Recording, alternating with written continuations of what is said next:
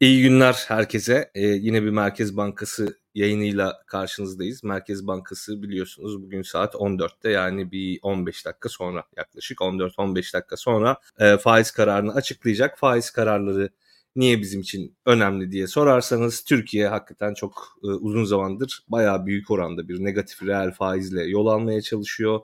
E, bu nedenle insanlar yatırımlarını daha doğrusu tasarruflarını bankalarda vesaire değil işte daha böyle talep artırıcı yerlerde değerlendirmeye çalışıyorlar. Bu da böyle büyük bir enflasyon yükü oluşturuyor. O enflasyon yükünü ortadan kaldırmak için Merkez Bankası faiz artırımlarına başlamış bulundu. Bugün de acaba faizi nereye getirecek? Sabit mi bırakacak? Artıracak mı? Düşürecek mi? E, aslında bunu göreceğiz.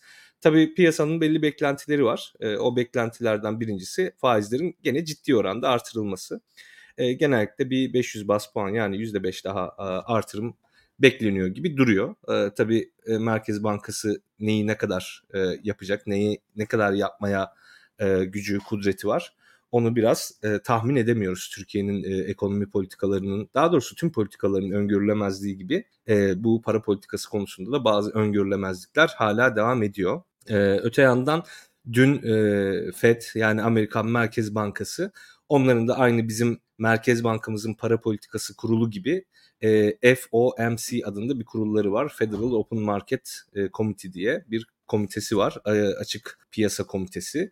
E, orada da onlar kendi aslında politika faizlerini belirliyorlar. Dün e, Merkez Bankası, Amerikan Merkez Bankası kendi politika faizini sabit tuttu. E, fakat burada enteresan bir ayrıntı var. E, bildiğiniz gibi bizim Merkez Bankası e, Başkanımız Hafize Gaye Erkan. Hafize Gaye Erkan e, göreve gelmeden önce Dünya Gazetesi'nde çeşitli yazılar yazıyormuş. Bu faiz kararı açıklanmadan önce de onun son yazılardan yazılarından birine aslında e, şöyle bir e, göz atmak e, istedim. O göz atma isteğimi de aslında sizle paylaşmak istiyorum. Gördüğünüz gibi Hafize Gaye Erkan'ın e, son yazılarından biri bu. Mayıs 2023'te Finansın Merkezi New York isimli bir köşesi var Hafize Gaye Erkan'ın ve şöyle bir tahminde bulunmuş kendisi. Fed 4. çeyrekte faiz düşürmeye başlayacak. Peki bu tahmin gerçekleşti mi? Gerçekleşmedi. Yani Hafize Gaye Erkan'ın dediği gibi Fed 4. çeyrekte faiz düşürmeye başlamadı. Hatta dün şöyle bir şey oldu. Ee, biliyorsunuz e, genellikle para politikası kurulu toplantısından sonra e, Amerika'da da işte e, e, Open Market Committee yani açık piyasa komitesi toplantısından sonra Fed başkanı çıkar bir açıklama yapar. Fed bu Open Market Committee'de e, çeşitli Fed başkanları bulunuyor. Bu Fed başkanları bir de şöyle bir tahminde daha doğrusu öngörüde bulunuyorlar. Diyorlar ki e, gelecek yıl içerisinde gelecek bir yılda e, Fed'in faizleri hangi oranda olacak? Bunu da dot plot dediğimiz bir grafik yöntemiyle gösteriyorlar. Her biri tahminin aslında her bir tahmin aslında grafikte bir nokta oluyor. Dot dediğimiz o nokta. Şimdi şöyle bir şey oldu. Geçen ay e, Haziran'da daha doğrusu bu dot plot grafiği son açıklandığında Haziran'da e, Fed üyelerinin daha doğrusu bu Fed'in PPK'sının işte para politikası kurulu üyelerinin diyeyim e, tahminleriyle bu dönem yaptığı tahminler veya bulundukları öngörüler biraz değişti. Fed aslında bırakın faiz düşürmeyi gelecek bir yılda daha önceki tahminlerinden daha yüksek olacağını öngördüler Fed'in faiz oranının. Yani diyorlardı ki önceden atıyorum şu an oranlar tam aklımda değil. Gelecek bir yılda işte Fed'in politika faizi bizce %3 olur diyorlardı. Bu para politikası kurulu toplantısından sonra ise yüzde üç buçuk olur dediler. Atıyorum tamamen. E, şimdi bu durumda Hafize Gaye Erkan'ın tabi bu yazısı Mayıs ayında yazmış ki Mayıs ayında yazdığında daha önce kendi görevli olduğu bankalardan birinin de e, First Republic'te e, görevliydi biliyorsunuz Hafize Gaye Erkan. Onun da e, iflas ettiğinde aynı zamanda duyurmuş. İşte büyük resme bakmış. Klasik büyük resme baktığımızda hala Amerika Merkez Bankası para akıtıyor demiş şeye. Hazine Fed'e para akıtıyor demiş ama Fed tabii hazineye olan borcunu geri ödemek zorunda demiş. Belli e, savlar öne sürmüş e, Fed'in faiz e, düşüreceğine yönelik. E, bazı gerçekleri dile getirmiş. Demiş ki 25 bas puan artırdı. Son 6 yılın en yüksek seviyesine geldi vesaire vesaire. Yazıyı okumak isterseniz Google'a Dünya Gazetesi Hafize Gaye Erkan yazarsınız. Oradaki son birkaç yazıdan biri. Şimdi e, bu buradan tekrar şöyle kendime döneyim ve diyeyim ki biraz bunu yorumlayalım. Yani Hafize Gaye Erkan'ın öngörüsü neden tutmadı? Birinci nedeni aslında şey olabilir. Hafize Gaye Erkan öngörülerinde çok tutarlı bir insan olmayabilir. Yani bir e, ekonomist olarak veya ekonomist değil aslında Hafize Gaye Erkan bir finansçı olarak bazı tahminlerini düzgün bir şekilde yapamadığı söylenebilir. İki, Amerika'da çok büyük değişimler yaşanmış olabilir. Yani Merkez Bankası, Amerikan Merkez Bankası söylediği patikanın dışına çıkmış olabilir. Şimdi ikincisin, üçüncüsü de her insan zaten yanılabilir. Sonuçta geleceği bilmek gibi bir e, şeyimiz yok, imkanımız yok. E, ve tek başına çalışan bir ekonomist işte binlerce veriyi aynı anda yorumlayıp bazen doğru sonuca varamayabilir. Bu hepimiz için geçerli, benim için de geçerli nihayetinde. E, Hafize Gaye Erkan Mayıs'tan sonra tabii e, şöyle bir şey var. Artık Hafize Gaye Erkan işte çok ciddi bir kadroyla çalışıyor. Türkiye Cumhuriyet Merkez Bankası hala çok önemli bir e, şeydedir. E, ne derler? Çok önemli bir e, kurumun başında ve bu kurumun aslında önemli bir şeyi var.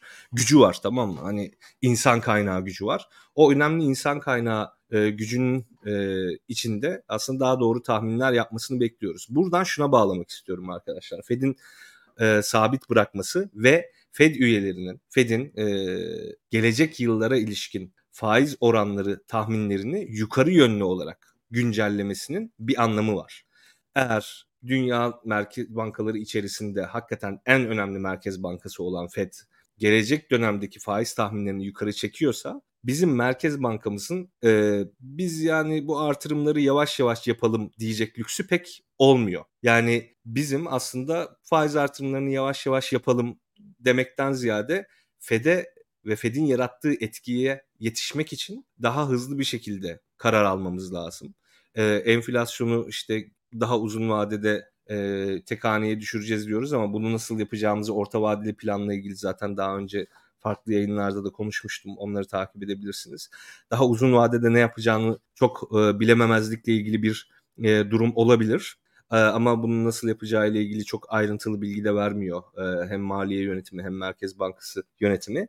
Merkez Bankası'nın elindeki en güçlü silah da tabii ki bu politika faizi silahı olduğuna göre e, Amerika'da da faizlerin tahmin edilenden daha yüksek olacağı artık e, biraz aşikar olduğuna göre bizim Merkez Bankamızın da tahmin edilenden daha yüksek oranda faiz artırmasını bekleriz.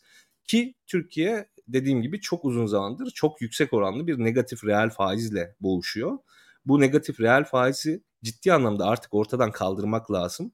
Bunun için de e, yani ekonomistlerin tahmininden daha yüksek oranda aslında bir artırım yapması lazım Merkez Bankası'nın. Eğer piyasada enflasyonu düşürmek için önemli bir aktör olarak kalmak istiyorsa.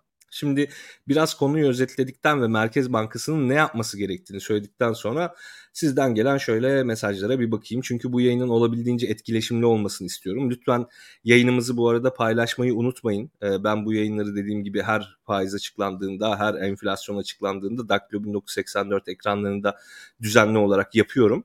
Ee, paylaşırsanız daha fazla kişiye ulaşır, daha fazla soru alırız, daha fazla cevap veririz. Ee, ve böylelikle biz de aslında daha fazla bilgi edinebiliriz karşılıklı. Ee, şöyle sorulara bakalım. Merhaba diyenler var. Ee, merhaba merhaba arkadaşlar. Biri Enes hocamızı bugün iki kez izleyeceğiz demiş. Bildiğiniz gibi ben Nevşin'le de genellikle yayınlar yapıyorum ama Nevşin bu ara CHP ile çok uğraşıyor. Bugün sanırım değil ama yarın Nevşin'le yine bir yayın yapacağız. Ee, yarın yine orada olacağım. Ee, Kandil yayınları gibi yılda beş kere görüyoruz e, demiş Gürhan arkadaşımız. Öyle değil arkadaşlar. Ben neredeyse her yayının arkasında içinde e, varım. Bu arada İlkan e, sağ olsun tahminleri alalım demiş. Evet bir hakikaten şeye döndü ya bu iş. İşte faiz toto e, lafı da var biliyorsunuz. İşte seçim toto, faiz toto bunlar hakikaten Türkiye'de önemli şeyler. Tahminleriniz varsa alabiliriz. Yani Merkez Bankası faiz oranını kaça getirir, yüzde kaç artırım yapar vesaire bunları yazabilirsiniz. Evet yani madem öyle biraz işin eğlenceli kısmına da odaklanalım. Aslında bu kadar öngörülemezlik hiç iyi bir şey değil tabii ki e, herhangi bir ekonomi yönetimi için. Sözlü yönlendirme gücü bir merkez bankası için çok önemli bir şeydir. En önemli şeylerden biridir. Demek ki Merkez Bankası sözlü yönlendirmeyi de iyi yapamıyor ki e, ilk anda tahminleri alalım diyebiliyor. Normalde e, bu kadar fazla ya bizim seviyemizdeki insanların yani doğrudan işi bu olmayan insanların e, bu kadar fazla bu işin içerisinde tahminlerde bulunacak kadar işin içerisinde olması hiç mantıklı değil. E, ama içindeyiz bir şekilde. Hemen cevap olarak Yurumasaki uzun zamandır takip etmiyorum sayılır ama rahat bir %30 gelir demiş. Yani faizlerin %30 olacağını, politika faizlerin %30 olacağını düşünmüş. Ee, onun şeyi var. Gürhan 500 bas puan demiş. Muharrem 500 bas puan demiş. Ee, şöyle Bahadır bizim editörümüz tanımıyorsanız tanışın. 500 iyi de 750 yapıp sürpriz yaparlarsa bence daha iyi olur demiş. Dünkü FED toplantısından sonra ben de açıkçası bu senaryonun iyi bir e, senaryo olduğunu e, düşünüyorum. E, Bahadır da aslında benim söylediklerime benzer bir şey söylemiş. Dünyada faiz kararına bu kadar geniş tahmin aralığında loto oynayan tek ülkeyiz. Bilmiyorum belki Afrika'da falan da bir yerler vardır böyle yani başka ülkelerde falan e, bir yerler vardır Bahadır. Tamamen bilemiyorum ama hakikaten kay, kayda sayılır kayda e, geçer daha doğrusu kaydı sayılır e, kayda geçer büyüklükte olan e, önemli ekonomilerde hakikaten bu kadar yüksek aralıkta bir loto oynayan neredeyse tek ülkelerden tek ülkeyiz diyebiliriz. Kusura bakmayın seste gene bir sorun oldu. E, çünkü ben aşağı yukarı e, bizim gibi büyüklükleri olan veya işte gelişmiş ekonomilerin hepsini tahmin şey takip ediyorum. Bu kadar büyük e, şey yok. E, Hilal Yılmaz zaten kendisi yayın koordinatörlerimizden. O da hepinize merhaba diyor arkadaşlar. Zaten çok az bir süre kaldı. Bir dakika falan kaldı aşağı yukarı. Onun için birkaç mesaj daha okuyayım. Ee, Gürhan yine şöyle bir şey yapmış. Enflasyon tahmini %60'ın üzerinde demiş. Yani maalesef böyle bu yüksek oranlarla boğuşuyoruz. Birazdan faiz kararı gelince hemen ekrana yansıtacak e, değerli rejideki arkadaşlar Onur ya da Hilal. Ben de onu hemen e, yorumlamaya başlayacağım sizlerin cevaplarıyla birlikte. Ee, selam verenler var. Ee, Gözde Hanım size de selamlar. Sanırım faiz kararı açıklanmak üzere. Hızlıca bekliyoruz. Vadeli hesabım otomatik uzamış. Faiz artsa da bana sabit faiz beni yani kendi vadeli hesabının sabit faizle yenilendiğini söylemiş bir arkadaşımız. Bu, bu konuda ne yapabilirim demiş. Bu arkadaşlar bankaların e, politikaları ile ilgili pek bir fikrim yok. Zaten çoğunun politikası da değişiklik gösteriyor e, bu e, vadeli hesapla ilgili otomatik uzatma konularında banka politikalarını bir inceleyin ve bir konuşun derim. E, eğer zaten yakın zamanda uzatmışlarsa vadeyi bozarak daha iyi bir şeye geçirebilirsiniz. Aa, Emin yazmış. Emin Baştürk benim liseden arkadaşım. İyi yayınlar demiş. İyi yayınlar sağ olasın Emin sana da iyi seyirler diyeyim. E, borsanın devri kapandı mı? Evet şimdi faiz kararı açıklandı. Sonradan arkadaşımızın sorusuna geçelim. E, para politik 500 bas puan artırılmış. Yani beklentilerin doğrultusunda bir artırma olmuş. Bunu da hemen tweetleyebilirsek Twitter'dan bizim hesaptan yayının linkiyle birlikte çok sevinirim değerli Rigid'deki arkadaşlar. Siz de arkadaşlar paylaşabilirseniz yayını çok sevinirim. Bunun üzerine tekrar konuşalım istiyorum. Şimdi 5 yani artık bir haftalı bir hafta vadeli repo ihale faiz oranı aslında bizim politika faizimiz anlamına geliyor bu. %30 oldu. Yani şu anki enflasyona falan bakarsak biz negatif reel faizden hala kurtulamamış oluyoruz. Tabii ki bir faiz artırımında negatif reel faizi tamamen ortadan kaldıramayız. Yani gerçek enflasyon eksi e, politika faizinin aslında e, sıfıra ne kadar e, yakınsadığını görürsek biz insanların e, harcama yapmak yerine daha çok tasarrufa yöneleceğini görebiliriz. Ama Türkiye için bu çok da iyi bir senaryo olmuyor baktığınız zaman. Yani Türkiye'de işsizlik vesaire çok sıkıntılı bir e, durumda ve konumda. E, bu insanlar harcama yapmazsa işsizliğin artacağı anlamında da gelebilir bazı noktalarda. O nedenle bunu yapmak istemiyor hükümet ama o aradaki farkı enflasyon eksi faiz farkını ne kadar azaltırsak o kadar iyi olacağını düşünüyorum. Şimdi sabit kalırsa diye sor. Ha, bin, bin diye tahmin etmiş bir arkadaş e, ama bin olmadı. İşte bin diyenler 650-700 diyenler yanıldı. Hakikaten e, 500 üzerinden gidiyoruz arkadaşlar. 500 faiz artırımı 500 bas puan yani %5 faiz artırımıyla e, %30'a geldi faiz. Bundan sonra ne olacak gibi bir soru akıllara gelebilir. Bundan sonra arkadaşlar çok bir şey olmayacak. İşte büyük ihtimal dolarda yani geçen faiz artırımında aşağı yukarı ne olduysa yine benzer bir şey olacaktır. E, fa, dolarda e, bir düşüş görebiliriz kısa vadeli. Ondan sonra tekrar eski yerine gelir. Çünkü biliyorsunuz doların Türk lirası karşısındaki değerini tek etkileyen şey doların Türk insanları açısından yatırım aracı haline gelmesi demek değil. Yani bizim hala çok ciddi dış ticaret açığımız var. Hala çok ciddi enflasyonumuz var. Hala biz e, düşük katma değerli malların ihracına çok bağımlıyız. Bu nedenle e, bu düşük katma değerli mallarda da kalitede değil fiyatta rekabet ettiğimiz için bizim paramızın değerinin çok yükselmesi bizim düşük kaliteli mallarımızın ya daha doğrusu düşük katma değerli mallarımızın yurt dışındaki insanlar için pahalı olduğu anlamına gelecektir ve bizim ihracatımızı azaltıcı bir etkide bulunacaktır. Bunu istemeyeceği için hükümet ve aslında çoğu insan bizim aslında ciddi anlamda bu negatif reel faizden kurtulmamız kısa vadede pek mümkün gözükmüyor. Onun için bu artışta da aslında bir önceki gibi biraz doların değeri düşer ondan sonra tekrar eski yerine doğru tırmanır. Ama bunlar tabii şu açıdan iyi adımlar. Eğer hakikaten Türkiye bu para politikası ile ilgili konularda bir uçuruma doğru gidiyordu yani. Hani Hafize Gaye Erkan, Mehmet Şimşek falan bunlar mükemmel insanlar oldukları için e, bu işleri yapıyor değiller. Ama nihayetinde bundan önceki dönemde hakikaten Türkiye bir uçuruma doğru gidiyordu. O uçurumun sonu çok kötü bir yerdeydi. Yani bundan ta iki sene önce başlayan işte çeşitli ürünleri ithal edememe sorunu, çeşitli kritik ürünleri ithal edememe sorunu gibi birçok şeyler yaşıyorduk biz. Bunlar daha da artacaktı, daha da sıkıntıya girecekti. Türkiye'de hakikaten e, yani belli noktalarda artık yavaş yavaş borcunu ödeyemeyecek bir ülke haline gelir mi gelmez mi gibi şeyler konuşuluyordu.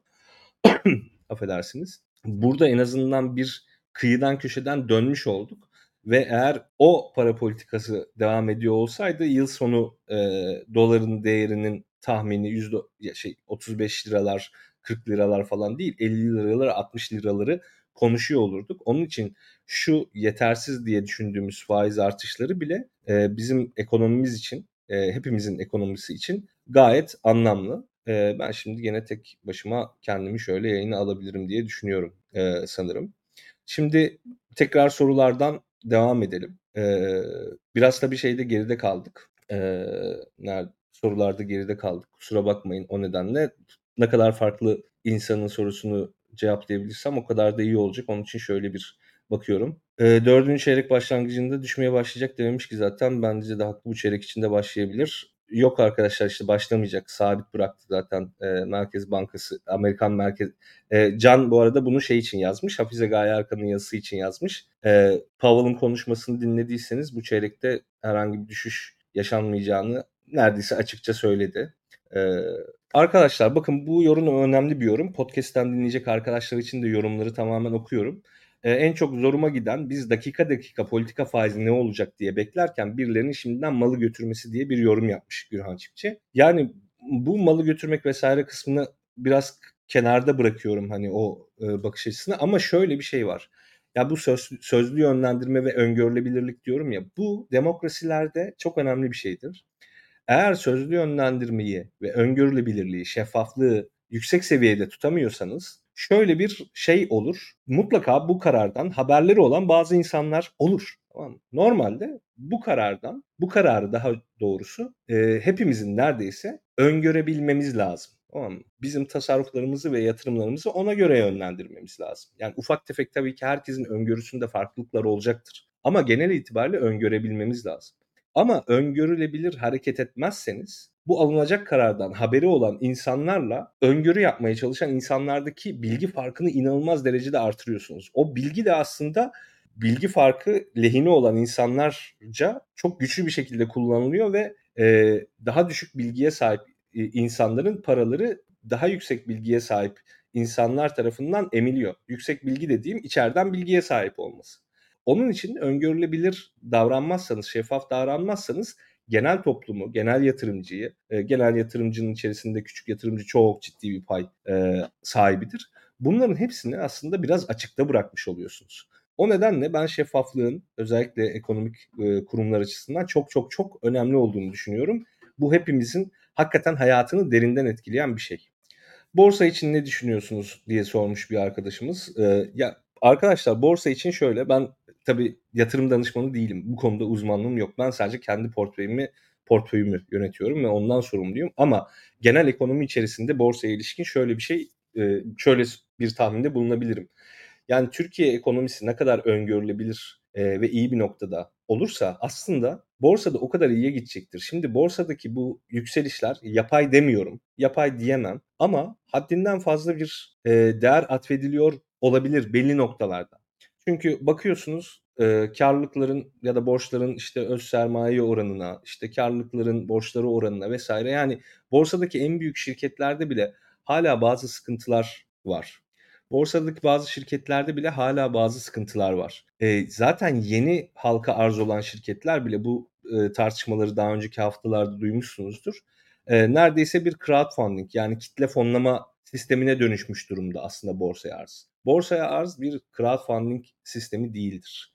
Hatta olabilir yani küçük şirketler de e, equity funding dediğimiz bu hisse fonlaması yöntemiyle e, şey yapabilirler, e, sermayelerini artırabilirler. Fakat bunun yeri Türkiye'nin genel borsası vesaire olmamalı. Bunun için başka piyasalar vesaire zaten kurulmaya başlandı. Onların daha etkin çalışmasını sağlamak olmalı. Yani çeşitli startupların vesaire kullandığı e, hisse yöntemiyle fonlama girişimleri vesaireleri var. Oralar etkin çalışmıyor. Oraları daha etkin çalıştırmalıyız. Yani borsayı bir kitlesel fonlama aracı olmaktan dışarı çıkarmalıyız ve çok daha iyi denetlemeliyiz aslında borsaya açılan şirketleri veya borsadaki şirketleri. Şimdi bu bağlamda baktığımızda iki şeyden bahsediyorum aslında temelde. Bir, Türkiye'nin genel ekonomik gidişatı. iki e, borsanın işleyişi. Türkiye'nin genel ekonomik gidişatına baktığımızda maalesef dediğim gibi e, borsadaki hisse değerlerinden hisse hisselerin büyük kısmı aşırı değerlenmiş olabilir. Ama e, bu negatif reel faiz ortamında bu hisseler de aşağı düşmez. Yani en azından elinizdeki en etkin yatırım araçlarından biri borsa. Borsayı zaten bir alternatif yatırım aracı olarak işte herkesin hayatına e, sokmanın önemi burada ortaya çıkıyor. Nihayetinde insanlar orada en azından paralarının değerini koruyabiliyorlar gibi gözüküyor şu anda. Tabii dolar cinsinden değerlerine baktığımızda şirketlerin Türk lirası cinsinden artmış olsa da dolar cinsinden çok aşağıda kaldıkları durumlarda olabiliyor. Fakat en azından böyle bir durum var. Öte yandan e, şöyle bir şey e, var. Borsanın gene işleyişiyle ilgili biraz önce bahsettim. Bu kitlesel fonlama mevzusu hakikaten ciddi bir mevzu. Yani her şirketin e, borsaya dahil edilmemesi lazım. Fakat şu an ne kadar fazla insan yabancı para birimlerine yatırım yapmaktan uzak kalırsa o kadar iyi diye düşünüldüğü için neredeyse borsaya her gelenin alındığı gibi bir intiba da oluştu. Bu kadar kolay olmasa da piyasada böyle bir intiba var. Maalesef bunun toparlanması lazım. Mahmut Boğaz bir mesaj atmış. İnsanları KKM'den çıkarmak için çok hevesliler. Bunun yerine yine yüksek faiz artırmaları gerekmez mi? Faizi yükseltmeleri gerekmez mi demiş. Yani en etkili araç tabii ki faizi yükseltmek. Fakat dediğim gibi Türkiye'nin işsizlik e, sorunu, iş gücüne katılım çok düşük olsa bile e, işsizlik sorunu can yakıcı bir seviyede e, insanların harcama yapmamaları, bunun yerine daha fazla tasarruf etmeye yönelmeleri de e, bu işsizliği körükleyen bir şey olacaktır. Daha az e, tüketen bir toplum aslında daha az, daha az iş yaratan bir toplum anlamına gelebilir. E, bu nedenle işte onu çok e, yapmak istemiyorlar. Öte yandan şey de var tabii dediğim gibi biraz önce ihracat konusu da var. Türk lirasının aşırı değerlenmesi ihracatın aşırı düşmesine neden olabilir. Bu da bizim yine cari açımızı fonlamamız açısından sıkıntı yaratabilir. Yani burada e, dengeyi arkadaşlar görüyor musunuz? Baştan bir kaybolduğunda o denge onu geri toparlamak çok zor. Yani dünyanın en iyi ekonomistini de getirseniz zaten yapılacak şeyler belli. Onu toparlamak artık çok zor oluyor. Bu denge zaten işte Berat Albayrak vesaire ondan önceki bir dönemde falan zaten bir kaydı. Ee, Türkiye'nin işte biraz siyasal sistemindeki de bozulmayla birlikte ekonomik sistemin bozulması bir derinleşti. Ondan sonra artık toparlamak ne kadar zor. Bak yaptığınız her hareket başka bir e, negatif sonuç doğuruyor. E, bu tabii her ekonomi için böyle ama Türkiye'de gerçekten çok ciddi yanlış kararlar alındı. E, kur nasıl etkilenir? Biraz önce bahsetmiştik. Sorulardan biraz geri geldiğim için, geriden geldiğim için e, kusura bakmayın. E, yine ne kadar ucuzdan dolar satar bugün Merkez Bankası diye bir soru gelmiş. Yani Merkez Bankası verdiği kararın etkisini artırabilmek için e, bazen şey yapıyor biliyorsunuz. E, do, dolarda satıyor e, kendi bütçesinden diyeyim. E, onun için o kararın etkisini artırmak için biraz satabilir ama ne kadar ucuzdan satar açıkçası bilemiyorum. Öte yandan şöyle bir durum var. Merkez Bankası'nın hakikaten 55 milyar doları aşan bir zararı ortaya çıktı bu KKM vesaire nedeniyle. E, bu zararı bir şekilde aslında telafi etmek için Merkez Bankası'nın ucuzdan dolar satması değil, ucuzdan dolar almaya başlaması lazım ki zaten rezervleri biraz artırdılar biliyorsunuz. Bugün satsa bile bu hafta içerisinde yeniden alımlar yapacaktır. Zaten e, gelecek hafta içerisinde. Zaten bu dolarda bir miktar düşüşü olsa da yine benzer seviyeye gelir dememin sebebi de o. e, faizin etkisiyle, faiz artırımının etkisiyle dolar biraz düşüyor. E, aynı zamanda işte Merkez Bankası da bir süre sonra alım yapmaya başlıyor. Bu alımların yapılamaması demek, Merkez Bankası'nın sürekli ekside olması demek aslında bir süre sonra para basarak bu eksiği kapatmaya çalışması ve tabii ki bunu da hiçbir zaman yapamaması anlamına gelir. Onun için olabildiğince Merkez Bankası'nın aslında piyasadan şey alması lazım. Yabancı para cinsinden para çekmesi lazım. CDS'lerde dolayısıyla borçlan, borçlanma maliyetlerinde düşüş bekler misiniz? Beklerim. Zaten CDS'ler bu faiz artırımlarıyla birlikte biraz daha yol almaya başladı ama CDS'in tabii tek etkeni e, Türkiye'nin para politikası değil. Türkiye'nin dış politikası, Türkiye'nin maliye politikası, e, aynı zamanda işte uluslararası borç verenlerin işte Türkiye'ye ilgisi, yaklaşımı, uluslararası yatırımcıların Türkiye'ye ilgisi, yaklaşımı bunların hepsi aslında CDS'in hesaplanma yönteminin içinde bulunuyor. E, onun için borçlanma maliyetinde bir düşüş beklerim ama e, Türkiye gibi bir ülkenin hak ettiği seviyede CDS'e kavuşmasını yakın vadede çok mümkün görmüyorum. Merkez Bankası'na neden bir türlü güven duyulamıyor diye sormuş ve aslında isyan etmiş. Çünkü sonunda soru işareti yok. Ünlem var. Uygun Bodur yazmış. Şimdi Merkez Bankası'na aslında e, yani son atamalardan sonra güven tabii ki bir miktar arttı. Ama nihayetinde Türkiye'deki tüm kurumlarda olduğu gibi Merkez Bankası'nda bir kurumsal kapasite e, aşınımı söz konusu. Bunun sebebi Merkez Bankası'nda çalışan insanların daha liyakatsiz olması falan da değil. Yani orada da bir gerileme vardır illaki. Yani Türkiye'deki tüm kurumlar gibi ama nihayetinde insanların, yatırımcıların, uluslararası yatırımcıların hepsinin kafasının arkasında şöyle bir fikir var. Acaba Erdoğan faiz sebeptir, enflasyon sonuçtur fikrinden vazgeçti mi, vazgeçmedi mi? Bu insanlara nereye kadar izin verecek? Bu insanlar ne kadar faiz artırımı yapabilecekler? İstediği gibi hareket edebiliyor mu bu insanlar? Vesaire vesaire. Orada birçok etken olduğu için Merkez Bankası'na onun için güven duyulamıyor. Bence bireysel yatırımcı tarafında da böyle bir etki maalesef var. Yani etkinin ekonomik olmaktan daha ziyade siyasi olduğunu maalesef söyleyebiliriz. Ee, geçen faiz artışında direkt düşmüştü diye bir yorum yapmış bir arkadaşımız. Ee, evet zaten dediğim gibi biraz düşer.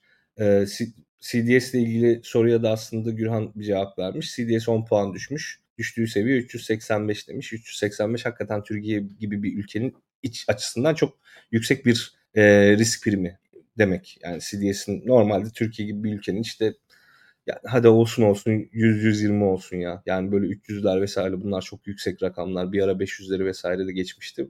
Hakikaten çok sıkıntılı işler. Arkadaşlar e, yayınımızı dediğim gibi beğenmeyi, paylaşmayı unutmayın. E, geçen yayına göre daha az bir ilgi olduğunu görüyorum bu yayına. Beni bu açıdan e, YouTube camiası biraz üzüyor. Ama şöyle bir şey yapacağım. Dediğim gibi e, Daktilo 1984 ekranlarında daha çok gözüktükçe büyük ihtimal insanlar daha fazla aşina olacaktır. Sizin de sorularınızı her zaman dediğim gibi cevapladıkça orada biraz daha e, seyirci alabileceğimizi umuyorum. Daktilo 1984 olarak bizim zaten amacımız bu akademik bilginin, işte üzerine çalıştığımız bilginin daha kolay, daha tüketilir formlarda sizlere ulaştırılmasını sağlamak uzmanlar, entelektüeller ve akademisyenler e, tarafından. Şimdi e, bu amaca yönelik olarak da biz bazı eğitim faaliyetlerinde falan da bulunuyoruz. Hazır burada en azından e, bir miktar e, arkadaşımız da buradayken ben bununla ilgili bir duyuru yapayım. Belki aranızda e, şey vardır, e, ne derler, e, akademisyen olan veya kendi çalışma alanında kendini uzman hisseden e, arkadaşlarımız vardır. Onlar için hakikaten ciddi bir eğitim serisine de başlıyoruz. Bununla ilgili de dediğim gibi bir duyuru yapmış olayım.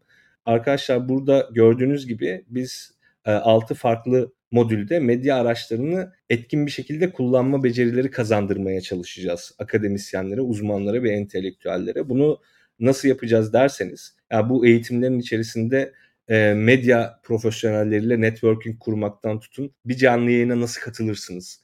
Bir can, kendiniz bir canlı yayın nasıl yapabilirsiniz? Kendiniz bir podcast çekip bunu nasıl dağıtabilirsiniz? Medyaya erişiminizi artırmak için hangi yöntemleri kullanabilirsiniz? bir bülten mesela alanınızla ilgili bir bülten nasıl hazırlanır? Ee, işte yazdığınız bir akademik makale veya kafanızda biriken şeyleri e, nasıl böyle bir opet yani bir editoryal makaleye çevirebilirsiniz? Bunların hepsine ilişkin eğitimler olacak. Eğitimleri verenler de Burak Bilgen Özbek zaten biliyorsunuz. Daktilo 1984'ün kurucularından biri benle beraber. Ee, Ayşe Karabat ve Semin Gümüşel Güner çok eski ve aslında deneyimli iki gazeteci. Ee, ve e, Erkan Saka Bilgi Üniversitesi'nden profesör doktor. Kendisi zaten medyacı. Aynı zamanda ben de olacağım. Hilal Yılmaz zaten bizim YouTube tarafında yayın koordinatörümüz. Bahadır Çelebi de e, bizim web sitemizin editörü.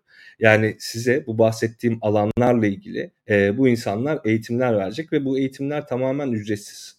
E, ben şimdi Daklo 1984'ün hesabından e, bu tweet'i yeniden paylaştıracağım. Zaten tweet sabitlenmiş bir şekilde gözüküyor. Siz de aynı zamanda bu eğitimlere e, katılmak isterseniz mutlaka başvuru formunu doldurun. E, bizim web sitemizde bir başvuru formu var. Bu da arkadaşlar şeyde tweet'in içerisinde saklı. E, burada yorumlar kısmında da zaten e, Onur paylaştı linki, eğitimin linkini. Oradan da görebilirsiniz. Ve Türkiye'nin hakikaten daha rasyonel bir tartışma ortamına kavuşması için de e, bu çabaların en azından önemli olduğunu düşünüyorum. Önümüzdeki seçime hala 4 seneden fazla bir zaman var. Hala Türkiye'de bazı şeyler e, değiştirilebilir durumda. E, fakat bunun olması için uzmanların, akademisyenlerin, entelektüellerin e, bir kamu entelektüeli gibi bir toplumsal sorumluluk üstlenmesi önemli.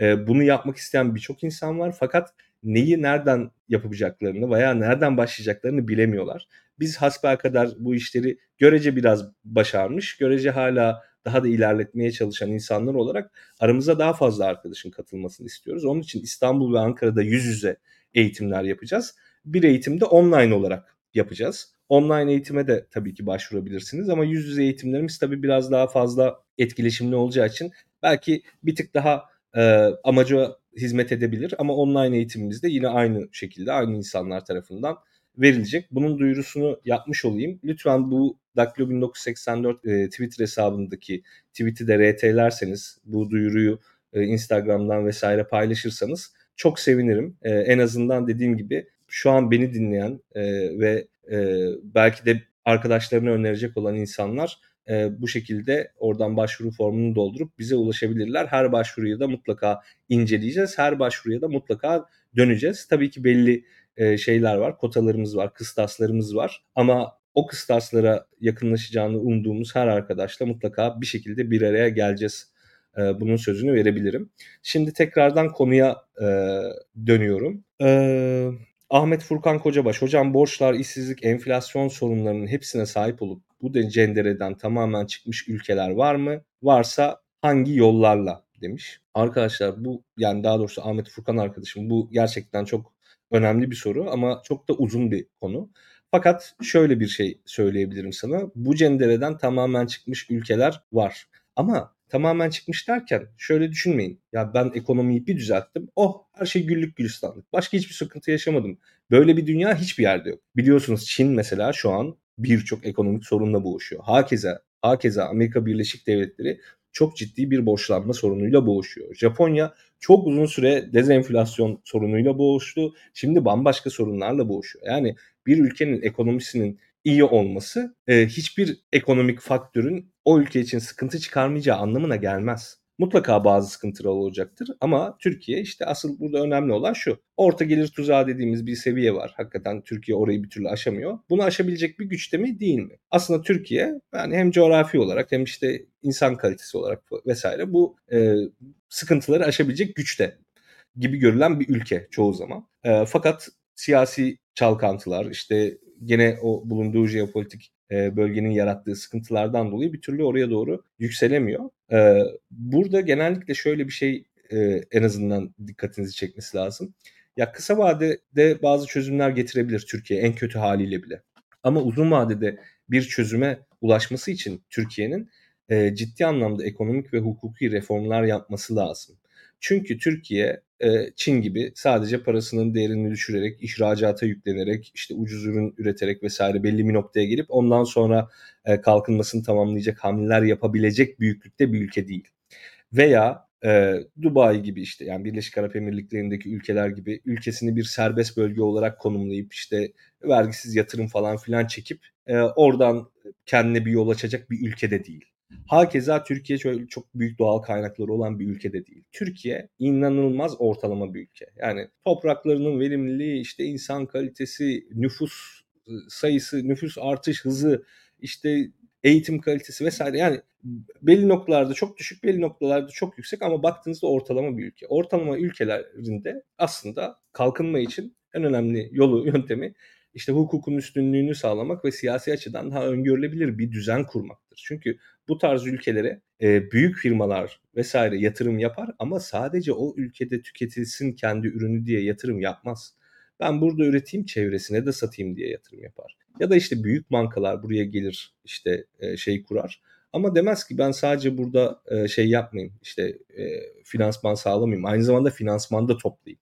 Yani Türkiye bu bunları daha önce başarmış, yapmış bir ülke. Yine yapabilir. Ee, Erhan Arkut Hoca'ya konuk alabilirsiniz demiş bu konuda. Biraz önce bahsettiğimiz bu akademik bilginin daha kolay tüketilebilir formlarda e, insanlara ulaştırılması konusunda Erhan Arkut Hoca'yı ben de takip ediyorum. Yani arkadaşlar aslında Türkiye'nin gelişimiyle ilgili şöyle bir şey de var. Bunu da en azından e, tekrar böyle vurgulamak lazım. Yani bizim yine aslında önemli gördüğümüz durumlardan biri de akademisyen, akademinin böyle tanımı değişiyor tamam son zamanlar. Son zamanlarda dedim bir 15-20 yıldır değişiyor. Ee, normalde akademide işte iki önemli şey vardır, görev vardır. Tamam Bir araştırma, iki eğitim. Şimdi bu araştırma ve eğitimin dışında bir de aslında e, daha fazla insana hitap etme, işte o akademik bilgiyi daha fazla yaygınlaştırma, bu sayede e, oluşan işte irrasyonel tartışmaları daha daha, daha rasyonel bir zemine çekmek için third mission dediğimiz yani üçüncü misyon dediğimiz akademinin üçüncü bir misyonu e, da ortaya çıktı. Bu gelişti. E, çünkü artık arkadaşlar dikkat ederseniz büyük buluşlar çok spesifik alanlarda ortaya çıkıyor. Yani akademisyenler de çok ciddi bir şekilde böyle uzmanlaştı, uzmanlaştı, uzmanlaştı ama bir sosyal bilimcinin yani bu kadar ya çok küçük bir alanda uzmanlaşıp başka bir şeyleri bilmemesi veya o konularda fikir yürütememesi çok mümkün değil. Yani bir sosyal bilimler üzerine çalışan bir uzman, bir akademisyen mutlaka entelektüel kapasitesini de artırmalı ve bunun üzerinden aslında daha geniş yorumlar yapabilmeli. Yani her ekonomist aslında biraz sosyolog olmalı, biraz işte e, psikoloji bilmeli, biraz işte antropoloji bilmeli, biraz dediğim aslında baya baya bilmeli, tarih bilmeli vesaire. Diğer sosyal bilimler alanlarında da bu aşağı yukarı böyle. O nedenle bu akademinin üçüncü misyonu insanların böyle çok hakikaten akademisyenlerin vesaire çok alanına uzmanlaşıp başka hiçbir konuda yorum yapmaması veya başka hiçbir yorumlama kabiliyeti bulunmaması neticesinde biraz böyle ortaya çıkmış bir şey. Hem akademisyenleri biraz daha entelektüel anlamda canlı tutabilmek hem de toplumu daha rasyonel tartışma yapabilir hale getirebilmek için. Çünkü toplumda şey bekleyemeyiz yani her insandan. Ben de mesela ne bileyim bir tarım konusunda e, yani tarım derken tarımın kendisi yani bir tarla ekme biçme konularında bilgili veya e, görgülü olacak bir durumda değilim yani bulunduğum sosyal, kültürel ve coğrafi çevre bunu bana sağlamadı. Herkesin de her konuda çok bilgili olması mümkün değil ama kendini ilgilendiren birçok konuda biraz önce bahsettiğimiz faiz kararı gibi ben dikkat ederseniz hep böyle önüne arkasını açıklıyorum. Ya şundan dolayı şöyle olur, bundan dolayı böyle yapabilirler, böyle yapabilirlerse şöyle yapabilirler. Bir neden sonuç silsilesi içerisinde bir işte e, etki faktörlerini de sıralayarak size anlatmaya çalışıyorum. Bu hasbelkader bir şekilde benim e, öğrendiğim e, üzerine çalıştığım bir konu ve aslında size daha basit yani normalde işte e, 50 sayfalık bir pdf ile de anlatabilirim bunu ama genellikle bir 10 cümlede hani ana noktalarını vermeye çalışıyorum. Buradan tabii ki ufak tefek sapmalar veya bazı bilgi eksiklikleri, bazı bilgi kırıntılarının yanlış bir şekilde oraya sizin zihninize girmesi gibi sonuçlar doğabilir. Ama en azından bir e, bilgi sahibi olun. Bunu amaçlıyorum. İşte bu Üçüncü misyon da Daktilo 1984'ün önemli e, unsurlarından biri. Yani her bir akademisyenin bir şekilde e, topluma ulaşma hızını, refleksini artırmaya çalışıyoruz. O açıdan önerinizi de dikkate alacağım. Zaten Erhan Erkut Hoca da bu konularda ciddi çalışmalar yapıyor. Şimdi Muharrem arkadaşımız ne demiş? Konu başlığı ve içerik çok iyi. Hocalar da çok değerli. Bunu duyurmamız gerekiyor. Öncelikle üniversite çevresinde bu işe meraklı olanlara. Arkadaşlar ben sizinle paylaştım. Bundan sonra top sizde. Biz tabii ki elimizden geldiğince duyurmaya çalışıyoruz. Lütfen siz de e, duyurmaya çalışırsanız çok sevinirim. Yani tanıdıklarınıza gönderin. Bir konuda uzman olduğunu bildiğiniz insanlara gönderin e, medyaya onların erişimini sağlayalım. Yani onların medyaya erişimini sağlayalım. Bu çok önemli bir konu. Yani her şeyi her yayında konuşan bir sürü adamdan sıkıldıysanız başka insanlar ekleyelim onların arasına. Yani o moderatörlere, editörlere ulaşmasını sağlayalım o insanların. Ee, bir, bir ülkenin ekonomisi iyi ise iyi de tutmak adına normalden daha çok... Hmm. Yuri Masaki arkadaşımız bir ülkenin ekonomisi iyi ise e, iyi olarak kalması için e, çok uğraşmak zorundalar e, demiş. Ya, hakikaten doğru çünkü dünyada birçok problem var. E, ekonominizi düzgün bir seviyede tutmanız bazen sadece sizin elinizde e, olan bir şey e, olarak karşımıza çıkmıyor. Hülya Yaman'ın bir yorumu var. 2001'den sonra yapılan reformlardan sonra kaymağını geçici olarak yemek yerine üstüne eğitim, adalet reformları yapsalardı, tarıma önem verselerdi başka olurdu. E, Hülya bu konuda bence çok haklı. E, bu seçimden önce e, bazı yayınlarda beni Deva Partili bazı arkadaşlar linçlemişti. Daha doğrusu linçlemişti demeyeyim de kızmışlardı. Ben çünkü şunu hep savundum. Yani Ali, Ali, Ali Babacan e, döneminde birçok fırsat kaçırıldı. Ali Babacan döneminde bazı şeyler yanlış yapıldı. Normalde e, çok fazla şey yapabilirdik. Özellikle temel sorunlara ilişkin, bu yapısal dönüşüm meselelerine ilişkin birçok şeyi daha iyi bir şekilde yapabilirdik. Ama orada Türk lirasının aşırı değerlenmesinin insanlara getirdiği refah düzeyi e, ve bunun getireceği e, politik prestij biraz daha çok tercih edilmiş gibi e, gözüküyor bana. Zaten e, Türkiye hakikaten 2010 2010 sonrasında verimlilik konularında ciddi düşüş yaşamaya başlamıştı. Ali Babacan da bu konuda bence sorumlu. Ama tabii şu anki durumun e, yani belki en az sorumlularından biridir ama hani en azından orada daha iyi bir reform planı ortaya çıkartılabilirdi. İlkan bu eğitimlere olan ilgi bizi de motive edecek demiş. İlkan bildiğiniz gibi Daklo 1984'ten hakikaten e, bizi motive eden bir şey olacak ve sizlerle buluşmamızı sağlayan bir arayüz de olacak bu eğitimler. E, o açıdan iyi. E, Muharrem Daklo 1984 yayınlarıyla seçimlerden önce siyasetle ilgili birçok konuya dikkat çekti. Farklı görüşlere ve düşüncelere yer verdi. E, böyle yaptığı için örneğin Burak Hocam linç yedi ancak haklı çıktı demiş.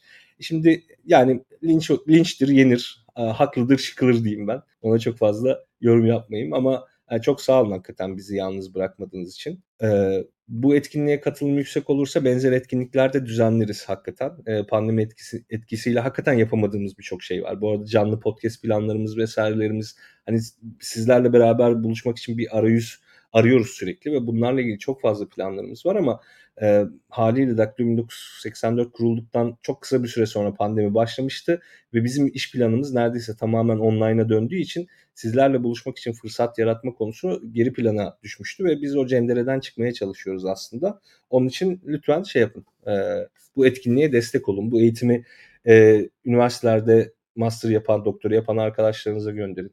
Bir konuda iyi bilgi sahibi olduğunu düşündüğünüz insanlara mutlaka gönderin. E, benim bir arkadaşım var çok entelektüel biridir vesaire diye düşündüğünüz, sohbetinden hoşlandığınız insanlara mutlaka gönderin. E, ve onların aslında biz e, medyada sesi olalım. Onların medyada sesini daha çok duyurmasına e, imkan sağlayalım. E, yaklaşık 47 dakika oldu arkadaşlar. E, bu yayında beni yalnız bırakmadığınız için çok teşekkür ederim.